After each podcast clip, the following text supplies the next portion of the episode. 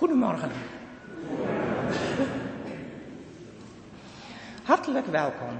Fijn dat u hier aanwezig bent of kijkt en luistert naar de online kerkdienst vanuit de bron. Voorganger vanmorgen is dominee Volkert Volkerts en de muzikus is Jenny Kloosterhuis. Verder werken mee de mensen van de techniek en de kosten. Mijn naam is Jikke Meinders en ik ben vandaag eh, ambtsdrager van dienst.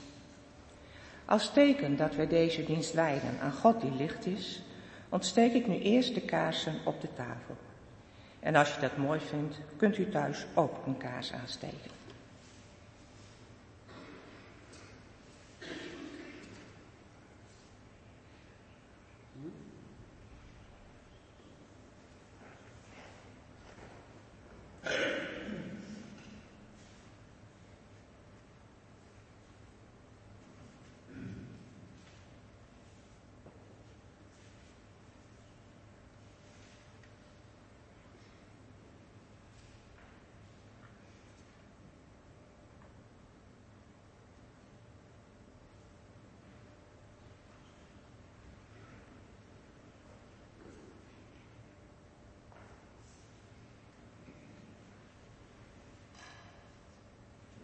Ons aanvangslied is lied 213 uit de bundel Zingende Gezegend. En na een groet en bemoediging zingen we het vervolg van dit lied. Maar eerst wordt een moment stil. Voor God, voor elkaar, voor onszelf. En indien mogelijk gaan we daarbij staan.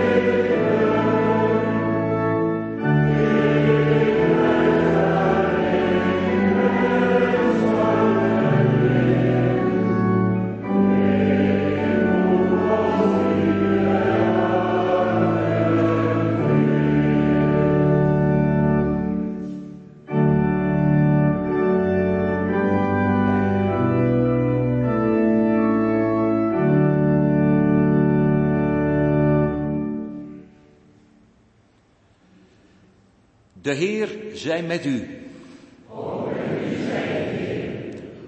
Onze hulp is in de naam van de Heer. Die trouw blijft tot in eeuwigheid.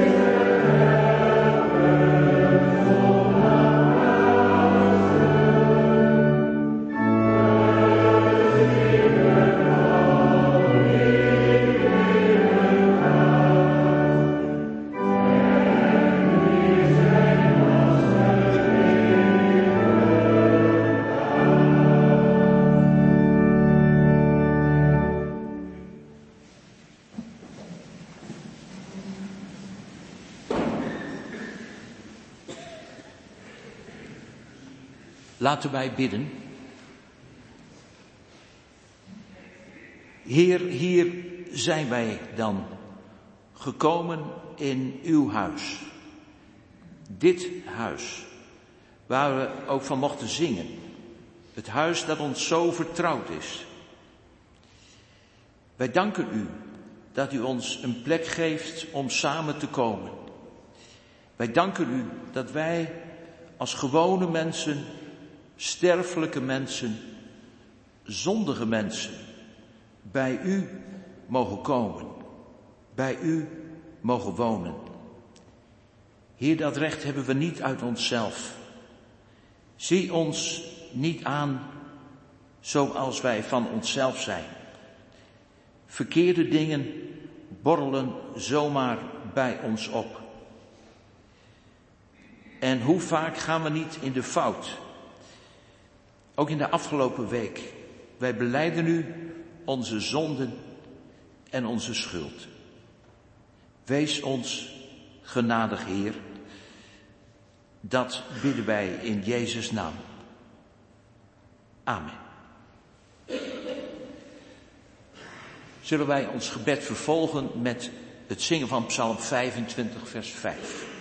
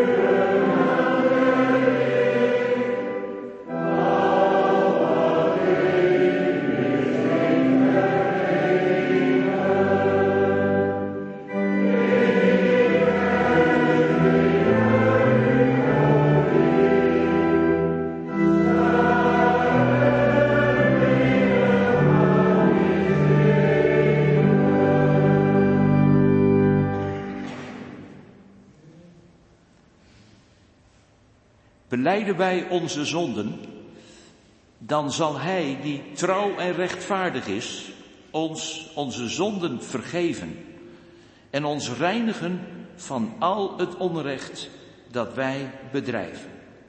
Wij hebben een pleitbezorger bij de Vader, Jezus Christus, de rechtvaardige. Hij is het die verzoening brengt voor onze zonden. En niet alleen voor die van ons, maar voor de zonden van de hele wereld.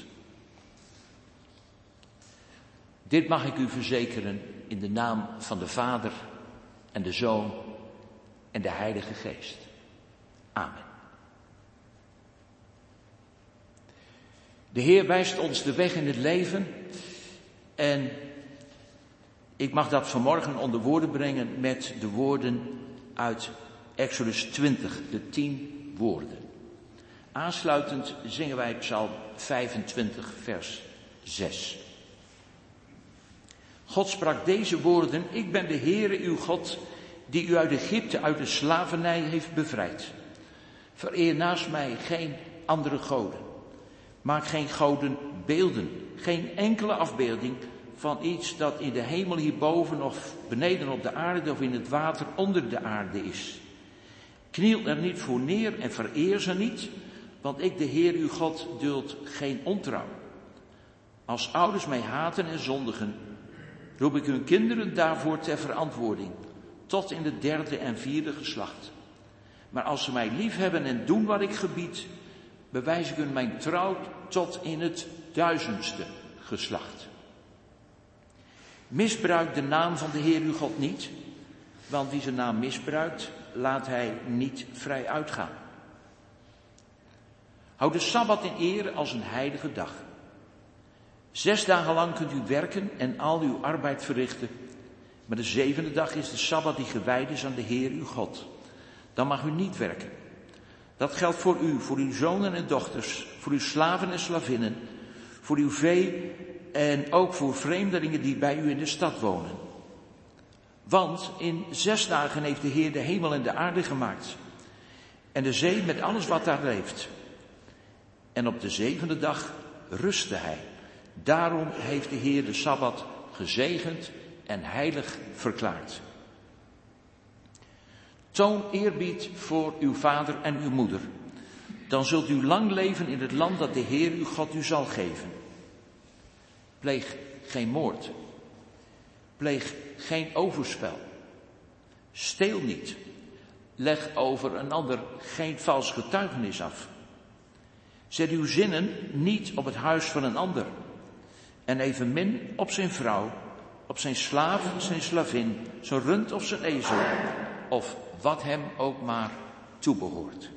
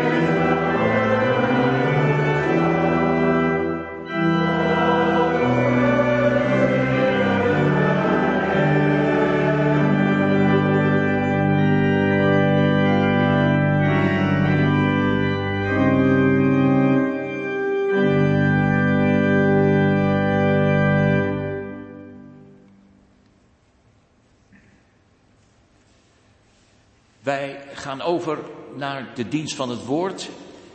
Laten wij daarom vooraf bidden.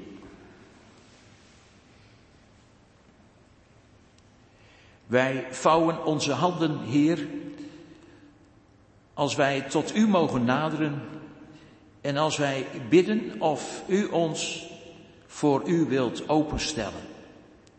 Als Uw woord tot ons mag klinken en wij die woorden ook samen overdenken, geef dat het ons hart mag raken. Open ons door uw Heilige Geest. Raak ons aan met uw geest, met uw woord, met uw liefde. Heer, wijs bij ons, of we nu hier in de kerk zijn of thuis meeluisteren en mee betrokken en verbonden zijn. Bewijs ons uw liefde en genade. Dat bidden we in Jezus' naam. Amen.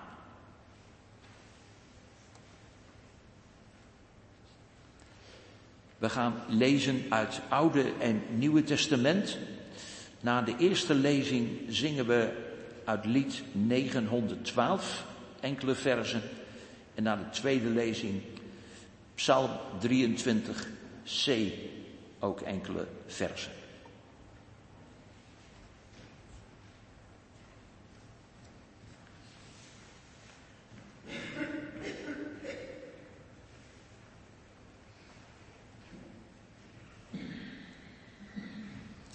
Hosea 6.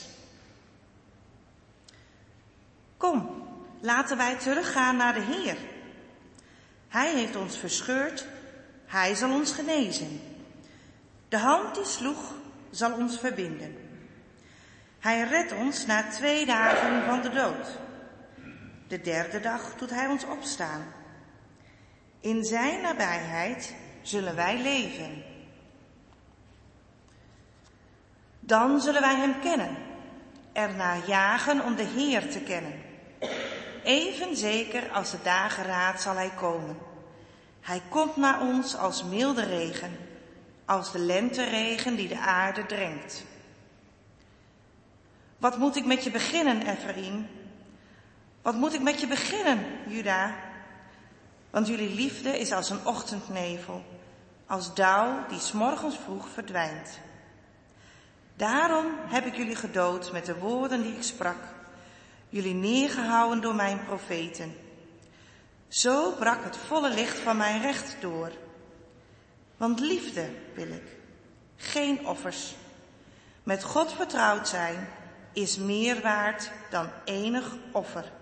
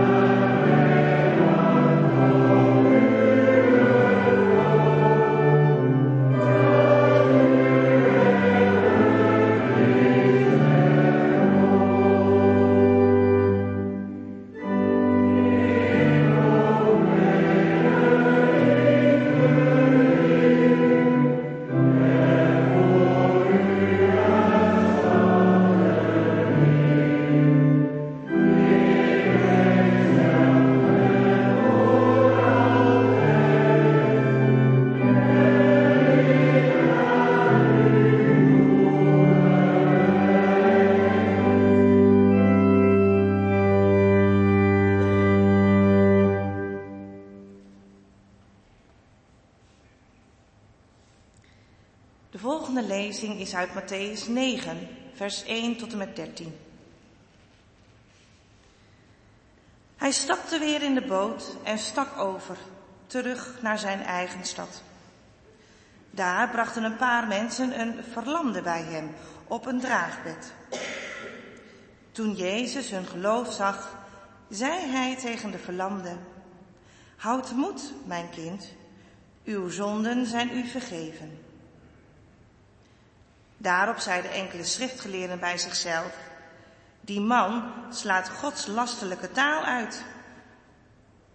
Jezus doorzag hun gedachten en zei, waarom hebt u zulke boosaardige gedachten?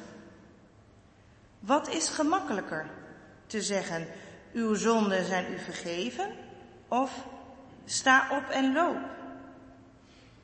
Ik zal u laten zien dat de mensenzoon volmacht heeft om op aarde zonden te vergeven. Toen zei hij tegen de verlamde, sta op, pak uw bed en ga naar huis. En hij stond op en ging naar huis. Toen de mensen dit zagen, werden ze van ontzag vervuld en ze loofden God om de macht die hij aan mensen verleent. Toen Jezus vandaar verder ging, zag hij bij het tolhuis een man zitten die Matthäus heette. En hij zei tegen hem, volg mij. Hij stond op en volgde hem. Toen hij in zijn huis aanlag voor de maaltijd, kwam er ook een groot aantal tollenaars en zondaars, die samen met hem en zijn leerlingen aan de maaltijd deelnamen. De fariseeën zagen dit en zeiden tegen zijn leerlingen, waarom eet uw meester met tollenaars en zondaars? Hij hoorde dit en gaf als antwoord, gezonde mensen hebben geen dokter nodig, maar zieken wel. Overdenk eens goed wat dit wil zeggen. Warmhartigheid wil ik, geen offers. Ik ben niet gekomen om rechtvaardigen te roepen, maar zondaars. you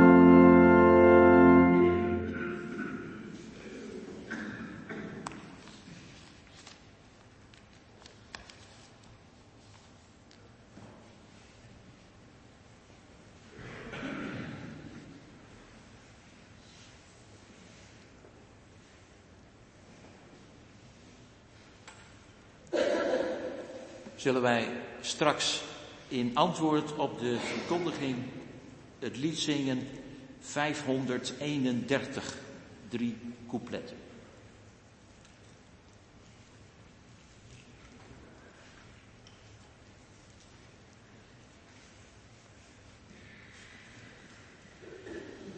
Ik heb eigenlijk een vraag voor u om mee te beginnen.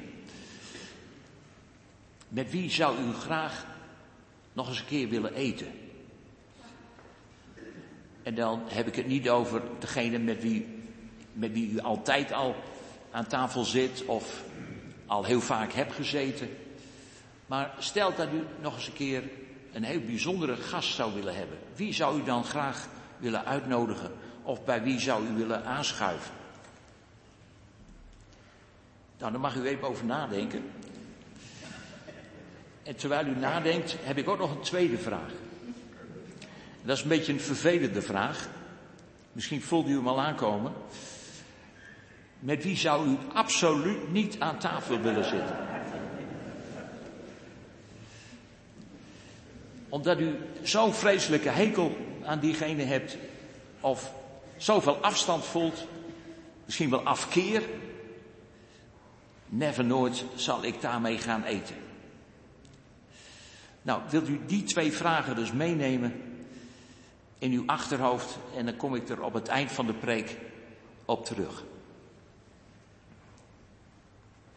Het gaat in de lezing die wij gehoord hebben, en vooral het tweede gedeelte van Matthäus 9, dat mag ons voor de aandacht staan, de roeping van Matthäus en de maaltijd die daarop volgt.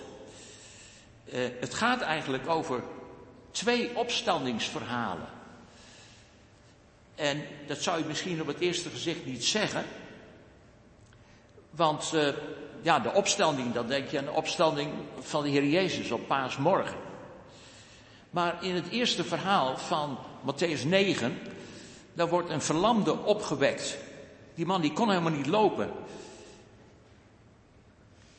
En toch zei Jezus, neem je bed op, sta op Neem je bed op en loop. Het tweede verhaal lijkt over iets heel anders te gaan. Want daar zit iemand gewoon te zitten. Maar diegene zit eigenlijk gevangen in zijn leven. waar hij niet zomaar uit kan stappen. Hij is tollenaar. Hij zit gevangen in zijn business, in zijn zaken. En hoe komt hij er ooit uit? En Jezus zegt eenvoudig, sta op en volg mij. En hij stond op en volgde hem. Dat is misschien wel een even wonderlijke opstanding als die van de verlamde man. Het startpunt ligt in dit verhaal dus niet bij, bij die tollenaar, bij Matthäus. Nee, het startpunt dat ligt bij Jezus die naar hem toe gaat, hem aankijkt. Eens kijken hoe Jezus kijkt. Wij zien vaak mensen met allerlei beelden en vooroordelen. En wat zou dat voor iemand zijn die bij een tolhuis zit? Ja, dat is natuurlijk een tollenaar. En toch staat dat er niet. Heel opvallend. Hij ziet iemand, een mens, zitten bij een tolhuis. En die mens kijkt hij aan en die mens roept hij. Volg mij. En je ziet meteen ook dat geloof niet van onderen komt, van binnenuit. Geloof komt van boven. Jezus die roept en die redt.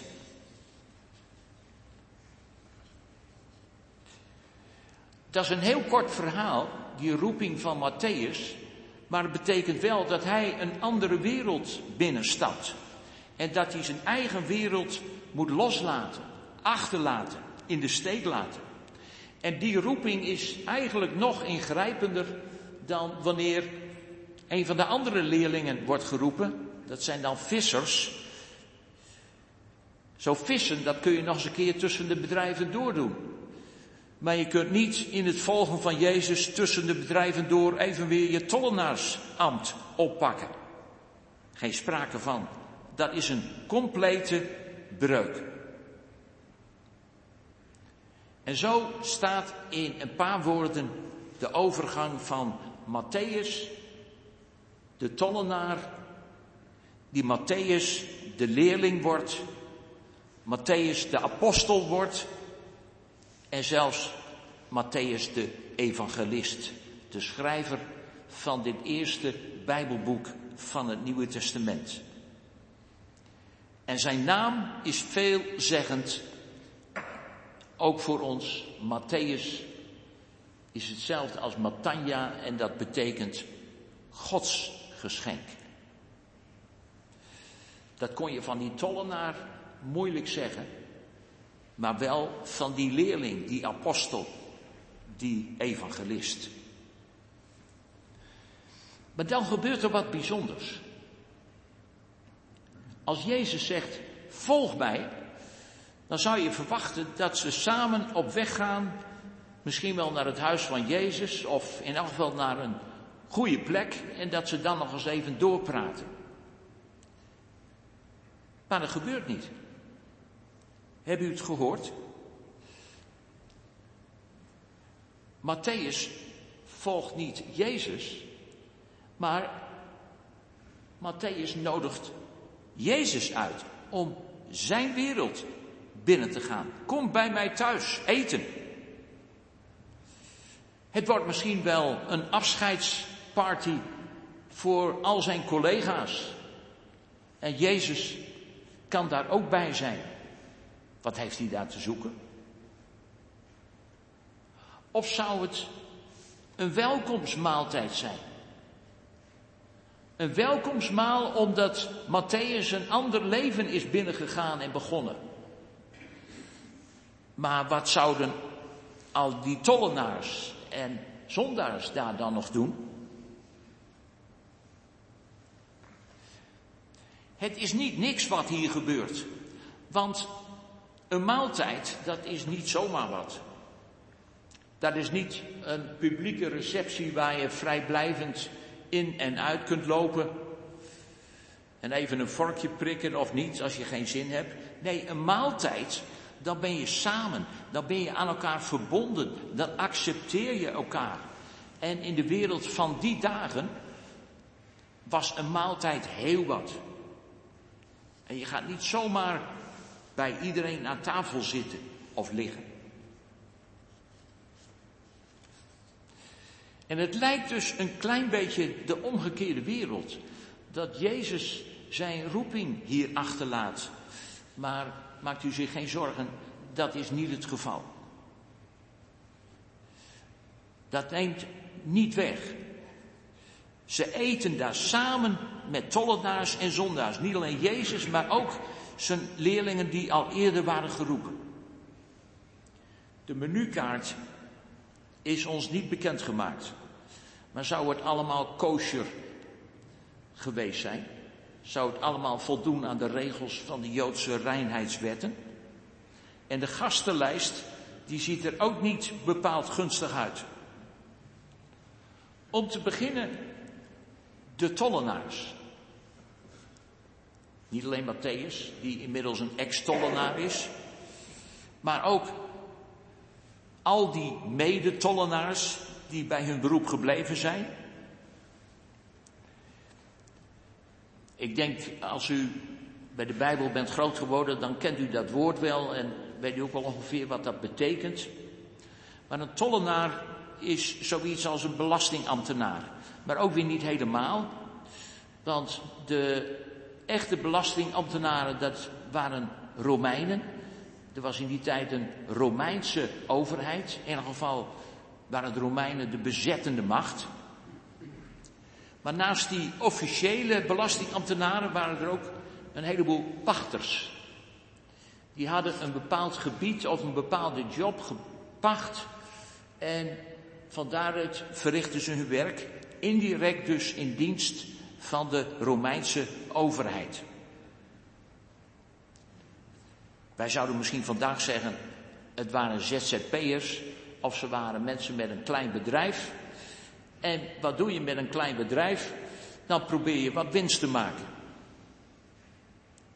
Maar in dit geval ging die winst ten koste van hun eigen landgenoten. Ze mochten een minimaal bedrag vragen, maar ze mochten ook wat meer vragen. Nou, als je een beetje van geld houdt, en wie houdt er nou niet van geld? Als je een beetje van geld houdt, dan vraag je wat extra. Of nog wat meer extra. En het woord corruptie is dan al gauw gevallen. En mensen leeg plunderen, dat was ook aan de orde van de dag. Dus die tollenaars, dat waren eigenlijk mensen die dubbel fout waren. Ze werkten samen met de bezettende macht. Het waren de NSB'ers van toen. En het waren ook nog corrupte en geldbeluste mensen. Hoe slecht wil je het hebben? Ze waren gehaat en gevreesd, veracht en verafschuwd. Dat Jezus zo iemand roept. En nog wel met ze gaat eten. Dat doe je toch niet?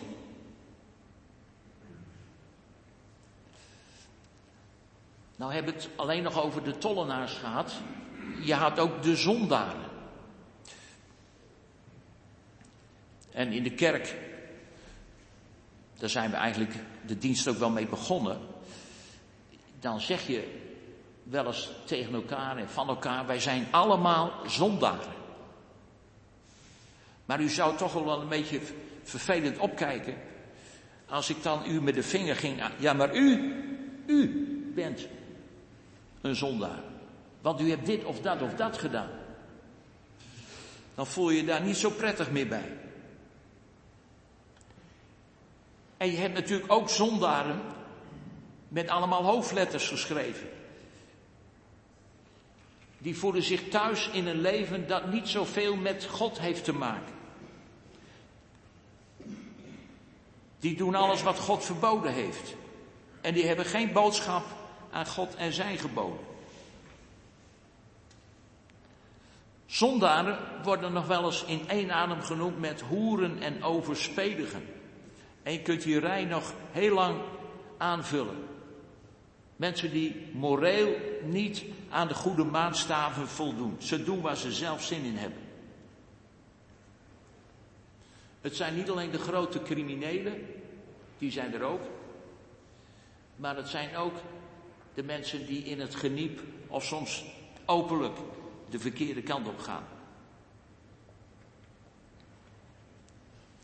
Is het vreemd dat de fariseeën zeggen dat hoort niet. Dat zeggen ze niet tegen Jezus zelf trouwens. Maar dat zeggen ze tegen zijn leerlingen. Dat hoort niet. En we zijn geneigd om ze gelijk te geven. Dat is toch een logische reactie. En dan komen we op de derde groep. Die zitten trouwens niet aan tafel, die staan buiten. Want ze mogen zich niet verontreinigen aan wat daar binnen gebeurt. Die tollenaars en zondaars. Fariseeën. Nou, het woord dat kent u denk ik ook wel goed. En de naam. Maar wat zijn dat nou eigenlijk voor mensen? Wij zijn gauw geneigd om te zeggen, ja, dat zijn van die schijnheiligen. Die de kat in het donker knijpen. Maar dan, dan ben je er te makkelijk klaar mee. Fariseeën, dat zijn mensen die zuiver en heilig volgens Gods wetten en regels willen leven. Tot eer van God vanuit de Torah. En ze maken ook duidelijke keuzes. Dit doe je wel, dat doe je niet. Die naam, Fariseeën, betekent trouwens letterlijk afgezonderd. Zij zijn dus de afgezonderden. En dat zie je hier ook in de praktijk gebeuren. Ze houden zich verre van datgene waar ze zich niet bij thuis voelen en wat niet kan, vinden zij. Ze willen niet meegaan met de levensstijl van de Romeinen bijvoorbeeld. Daarvan houden ze zich afgezonderd. En de heidenen en de mensen die slecht leven, daar houden ze zich ook verre van. Maar ze zonderen zich ook af van hun volksgenoten die volgens hen en hun eigen, soms zelfbedachte regels verkeerd leven. En dan kunnen ze heel rigoureus zijn. Het zijn eigenlijk religieuze separatisten. En wat hen drijft is, en komt ons dat niet een beetje bekend voor, zij willen hun eigen identiteit zuiver houden. Eigen volk eerst. De eigen identiteit van het volk moet zuiver blijven. En het mag niet verontreinigd worden door van alles en nog wat. Dat zie je hier gebeuren. Maar hoe reageert Jezus dan? Hij zegt, gezonde mensen hebben geen dokter nodig. Zieke mensen, die hebben een dokter nodig. En hij zegt erbij, ik ben niet gekomen om rechtvaardigen te roepen. Die hebben dat niet nodig. Ik ben gekomen om zondaars te roepen. En daartussen zegt hij nog iets anders, daar kom ik straks op. Ja, die woorden, die herkennen we natuurlijk wel. En die begrijpen we ook wel. Maar wat bedoelt Jezus nou eigenlijk hier? Zegt Jezus nou, nou die, die mensen die jullie ziek noemen, die zijn helemaal niet ziek. En de mensen die jullie slecht noemen, die zijn helemaal niet slecht. Is dat wat Jezus bedoelt? Is hij hier bezig met een grote witwasoperatie? En zegt hij nou, iedereen mag zelf leven zoals hij wil. Maakt niet uit. Je moet iedereen respecteren. Is dat wat Jezus hier zegt? Nou, ik denk het niet. Want hij roept mensen om hem te volgen. En hij roept mensen, zoals in Marcus en Lucas ook met zoveel woorden letterlijk gezegd wordt. Hij roept ze tot bekering. Zodat ze veranderen, anders gaan leven. gaan leven zoals Jezus het bedoeld heeft. Hij roept om Hem te volgen. Op het eerste gezicht zou je zeggen, Jezus is het met die fariseeën eens. Jullie zeggen die mensen zijn ziek. Ja, dat is ook zo. Jullie zeggen die mensen zijn onrechtvaardig, zondaars. Ja, dat is ook zo. Hij neemt hun spraakgebruik op het eerste gezicht over. Maar hij maakt wel andere keuzes.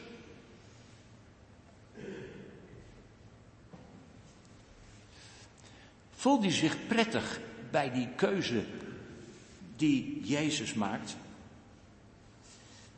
Dat is natuurlijk een spannende vraag. Want probeer het nou eens naar je eigen situatie te vertalen.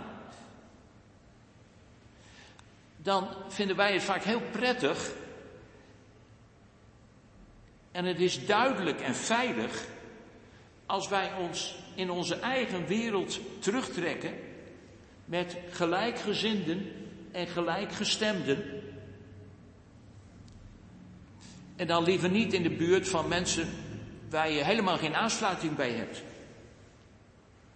Je gaat de ander toch niet opzoeken op zijn foute feestjes. Je wilt toch niet verbonden zijn met mensen die heel andere keuzes maken en die met God geen rekening houden? Wat beweegt Jezus nou om deze woorden te gebruiken en deze keuzes te maken? Nou, om dat te begrijpen moet je vooral naar die ene zin luisteren die er tussenin staat, waarin hij de fariseeën in hun eigen taal aanspreekt, namelijk het Oude Testament, de profeten. Een woord uit Hosea 6. Dat is niet zo'n bekende profeet, maar we hebben een hoofdstuk daaruit gehoord, een gedeelte daarvan. En Jezus zegt hier, denk nou eens goed na over wat de profeet Hosea zegt in 6 vers 6. Barmhartigheid wil ik en geen offers. Wat betekent dat? En dat is natuurlijk een vraag, ik zou bijna zeggen, op het niveau van de fariseeën. Want daar waren zij vaak en misschien wel dagelijks mee bezig. Wat zegt de Heer in de schriften en wat bedoelt hij daarmee? En wat betekent dat voor ons vandaag? Als God barmhartigheid vraagt, geen offers, dat God dat zegt, dat kan toch niet? Het hele Oude Testament staat vol met offers en regels en voorschriften op dat punt. Zo scherp. Jezus zegt, wat jullie doen, fariseeën, dat is, je wil wel God dienen, maar je maakt dat los van de kern en het hart van de wet. En wat is de kern? En wat is het hart van de wet? Dat is liefde. En dat kan dus niet. Je kunt niet God dienen, alles voor God doen en je naaste vergeten. Je kunt alleen maar God dienen als je ook je naaste lief hebt. En daarvoor ben ik gekomen, zegt Jezus. Om zondaren te redden. Om mijn naaste op te zoeken. Wie die naaste ook is. Of het mij nu uitkomt of niet uitkomt. Ik ben gekomen om zondaars te redden en zieken te genezen. En als ze niet bij mij komen, dan zoek ik ze wel op in hun eigen wereld. Daarvoor ben ik gekomen. Ik zoek ze op in hun eigen wereld. Want God heeft de wereld zo lief gehad. En u kunt het wel afmaken dat hij zijn eigen zoon gegeven heeft. In een wereld die van hem vervreemd was. Opdat ieder die in hem gelooft niet verloren gaat, maar eeuwig mag leven. De bekendste tekst van de Bijbel. Maar die zie je hier ook werkelijkheid worden in het spreken en handelen van Jezus.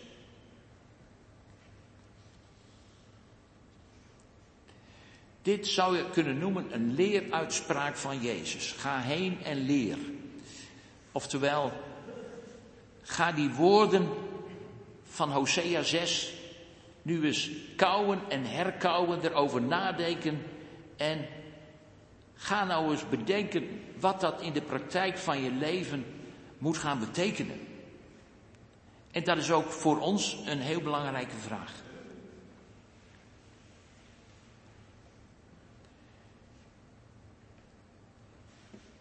Je mag zeggen dat Jezus ook dynamiet legt onder het oordelen van de fariseeën.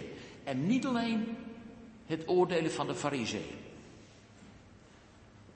Want dat is toch precies waar wij ook vaak aan denken. De wereld kent goede mensen en slechte mensen. Gezonde mensen en zieke mensen. Rechtvaardigen en onrechtvaardigen. Gelovigen en ongelovigen. Wij en zij. Zo zit de wereld in elkaar. Dat is heel overzichtelijk. Het zit ons allemaal in het bloed. Oordelen, beoordelen, veroordelen en denken vanuit vooroordelen. En daarvan wil Jezus ons verlossen.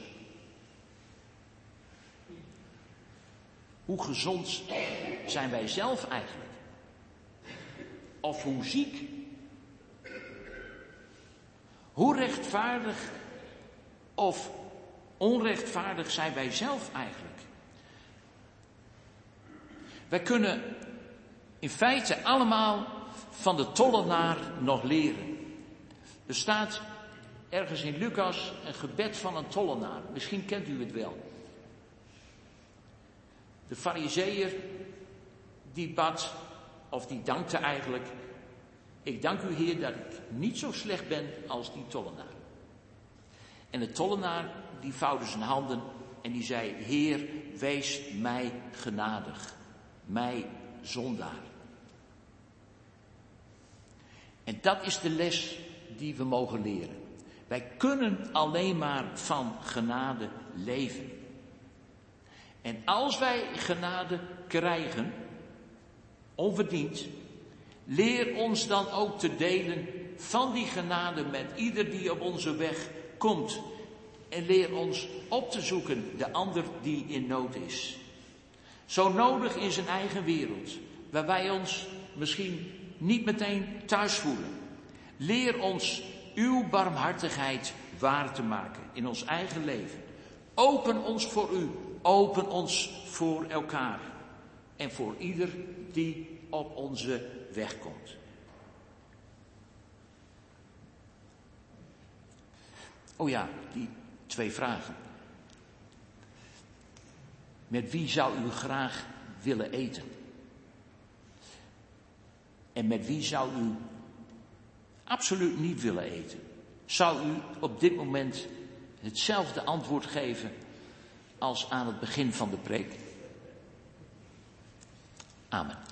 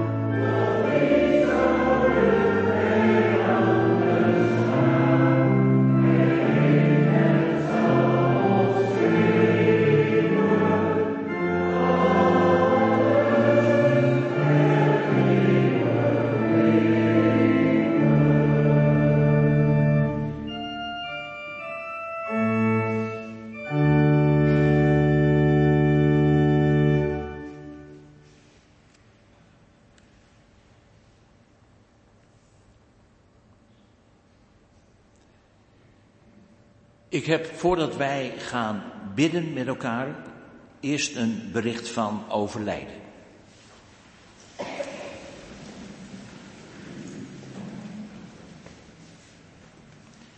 Op dinsdag 6 februari is op 79-jarige leeftijd rustig ingeslapen Minna Kuizinga van der Wiel. Zij woonde de afgelopen drie maanden in de Slingerborg vanwege afnemende gezondheid. Mina was meer dan 59 jaar getrouwd met Piet Kuizinga. En het woonadres is Epe 12. Samen kregen ze twee dochters en vier kleinkinderen.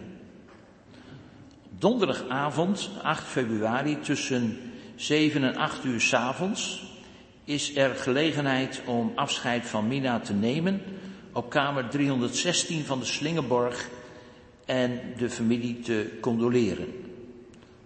Op zaterdagmiddag 10 februari is haar afscheid in besloten kring in de Boskamp. Dus dat heeft inmiddels plaatsgevonden.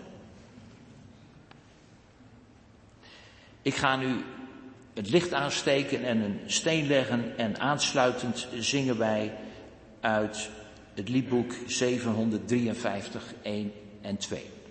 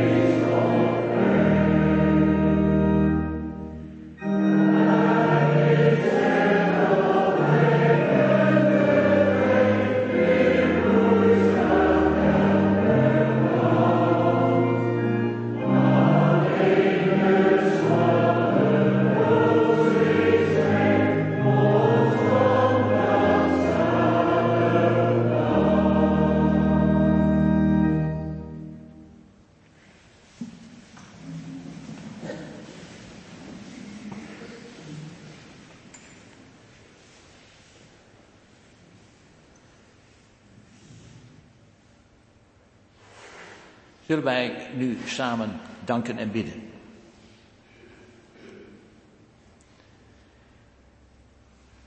Wij danken u, Heer, voor de verkondiging van uw woord. Dat de Bijbel mag opengaan en woorden naar ons mogen toekomen. Woorden van Jezus zelf, handelen van Jezus zelf. En wij danken u dat we dat hier in dit kerkgebouw ook mogen ontvangen. Dit kerkgebouw, wat al zoveel jaren ook door de gemeente benut mag worden, maar waarover ook bericht is gekomen dat binnen afzienbare tijd daar een einde aan gaat komen. Wilt u de gemeente bewaren en de weg wijzen, hoe het verder zal gaan? Geef vertrouwen, verwachting, kracht om vol te houden geloof. Wilt u ons hart en onze ziel blijven voeden en raken, ook als uiterlijke omstandigheden veranderen. Wij bidden voor onze medegelovigen hier en elders, ook wereldwijd, waar de omstandigheden vaak buitengewoon anders en ook veel moeilijker kunnen zijn. Ook en vooral in vervolging en oorlog. Wees hen nabij. Zorgt u voor uw kinderen. Zo bidden wij en zingen.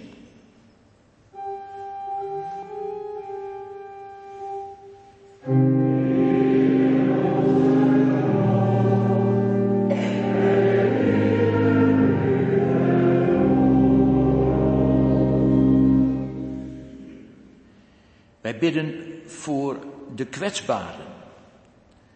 Allen die te maken hebben met ziekte, met gemis, met rouw, met handicap, met eenzaamheid, armoede,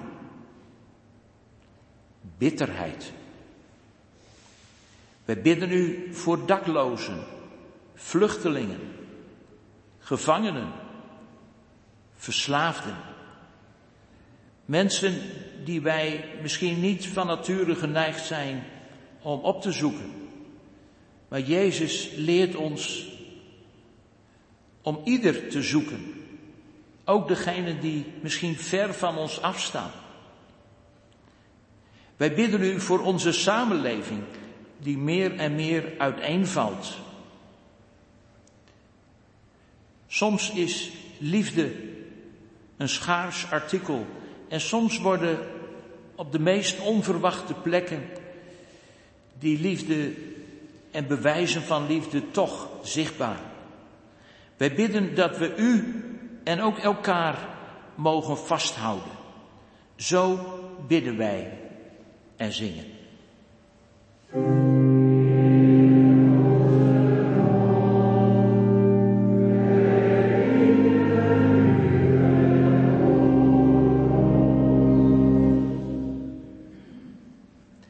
Wij bidden u voor onze koning en onze koningin.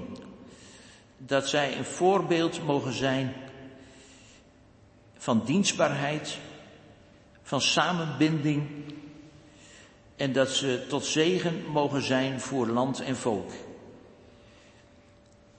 Wij bidden u voor onze regering die nu demissionair is, maar wel nog allerlei taken en verantwoordelijkheden heeft voor onze bestuurders in provincie en in deze stad Assen. Wij bidden u of het proces van kabinetsformatie voortgang mag hebben. In de afgelopen week leek dat een heel andere kant op te gaan. Geeft dat er toch weer nieuwe perspectieven mogen worden geopend en wijst u de weg. Het is complex en ingewikkeld zoals onze samenleving ook is. Geef wijsheid en geef doorzettingsvermogen aan de eerst betrokkenen, maar ook ieder die op welke wijze ook betrokken is. Geef dat er goede keuzes gemaakt mogen worden, die ook tot zegen mogen zijn, niet alleen voor degenen die sterk zijn, maar ook voor degenen die zwak zijn. Wees hen nabij die veel verantwoordelijkheid dragen. Ook als het gaat om economische macht. Een macht die soms de nationale grenzen overstijgt. Leer ze op goede en verantwoorde wijze met die macht om te gaan. Niet alleen in eigen belang, maar dat ze tot zegen van land en volk en van heel deze wereld mogen bezig zijn. Zo bidden wij en zingen.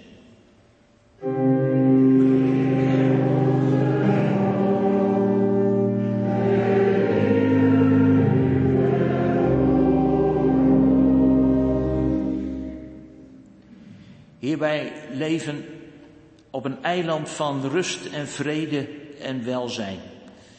Maar een groot deel van de wereld is in nood.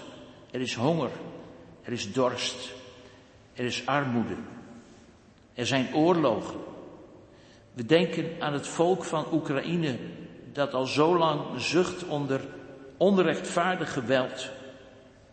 En de vooruitzichten lijken niet beter te worden. Here, breng redding. En dat bidden we ook voor de situatie in het Midden-Oosten. Er is oorlog tussen Israël en Hamas. En wat zijn er talloze mensen die misschien wel onschuldig zijn, vrouwen, kinderen, ouderen, die daaronder lijden. We denken aan de bevolking van Gaza. Geef vrede, Heer, boven geweld, boven terreur. Ook als die vrede ver te zoeken lijkt. Dat leugen en misleiding niet gaan winnen, maar de waarheid die we van u mogen leren. Zo bidden wij en zingen.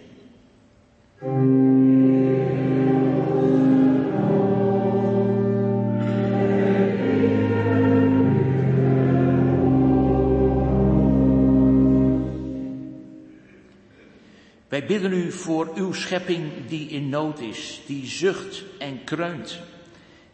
Er is klimaatverandering wereldwijd en talloze mensen hebben daarmee te maken en lijden daar ook onder. En tegelijk moeten velen juist in deze wereld en op deze grond hun brood verdienen. We denken aan de boeren. Wees met leiders op nationaal en op Europees niveau en ook elders in de wereld. Geef ze wijsheid om goede keuzes te maken die verantwoord zijn niet alleen voor de portemonnee van mensen, maar ook voor uw schepping. Geef goed beleid. Zullen wij in stilte verder bidden.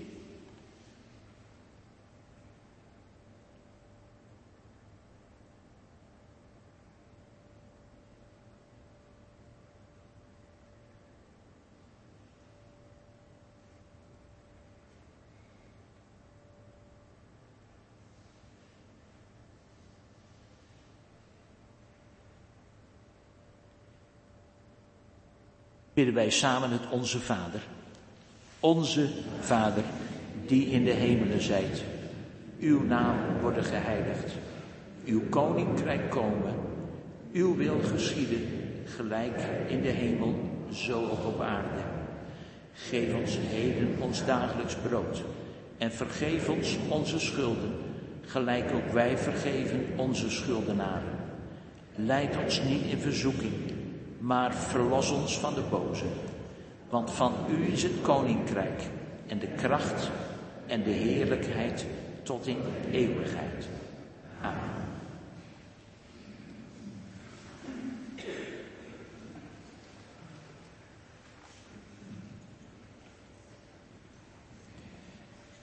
Wij gaan over naar de dienst van de gaven.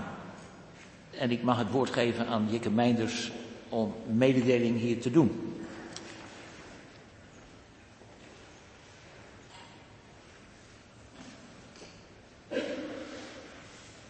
Om te beginnen de bloemen. De bloemen namens de bron zijn voor Bertha Snipper aan de vallei. Zij is van de trap gevallen en wij wensen haar van harte beterschap. Om de bloemen ook echt iets van ons samen te laten zijn, kunt u straks uw naam schrijven op het kaartje dat op de tafel in de hal ligt. De kaart wordt dan samen met de bloemen bezorgd. De bloemen namens de ontmoeting gaan naar Greta Nijnbertsma, John Elzinga en hun kinderen als bemoediging en troost nu de vader van Greta afgelopen week is overleden. De collecte de eerste collecte is bestemd voor een kerk in actie in Griekenland. De tweede collecte is voor pastoraat en eredienst. En de derde collecte is voor onderhoud en haar gebouw. Onderhoud en huurgebouwen. U kunt aan de collecte bijdragen via de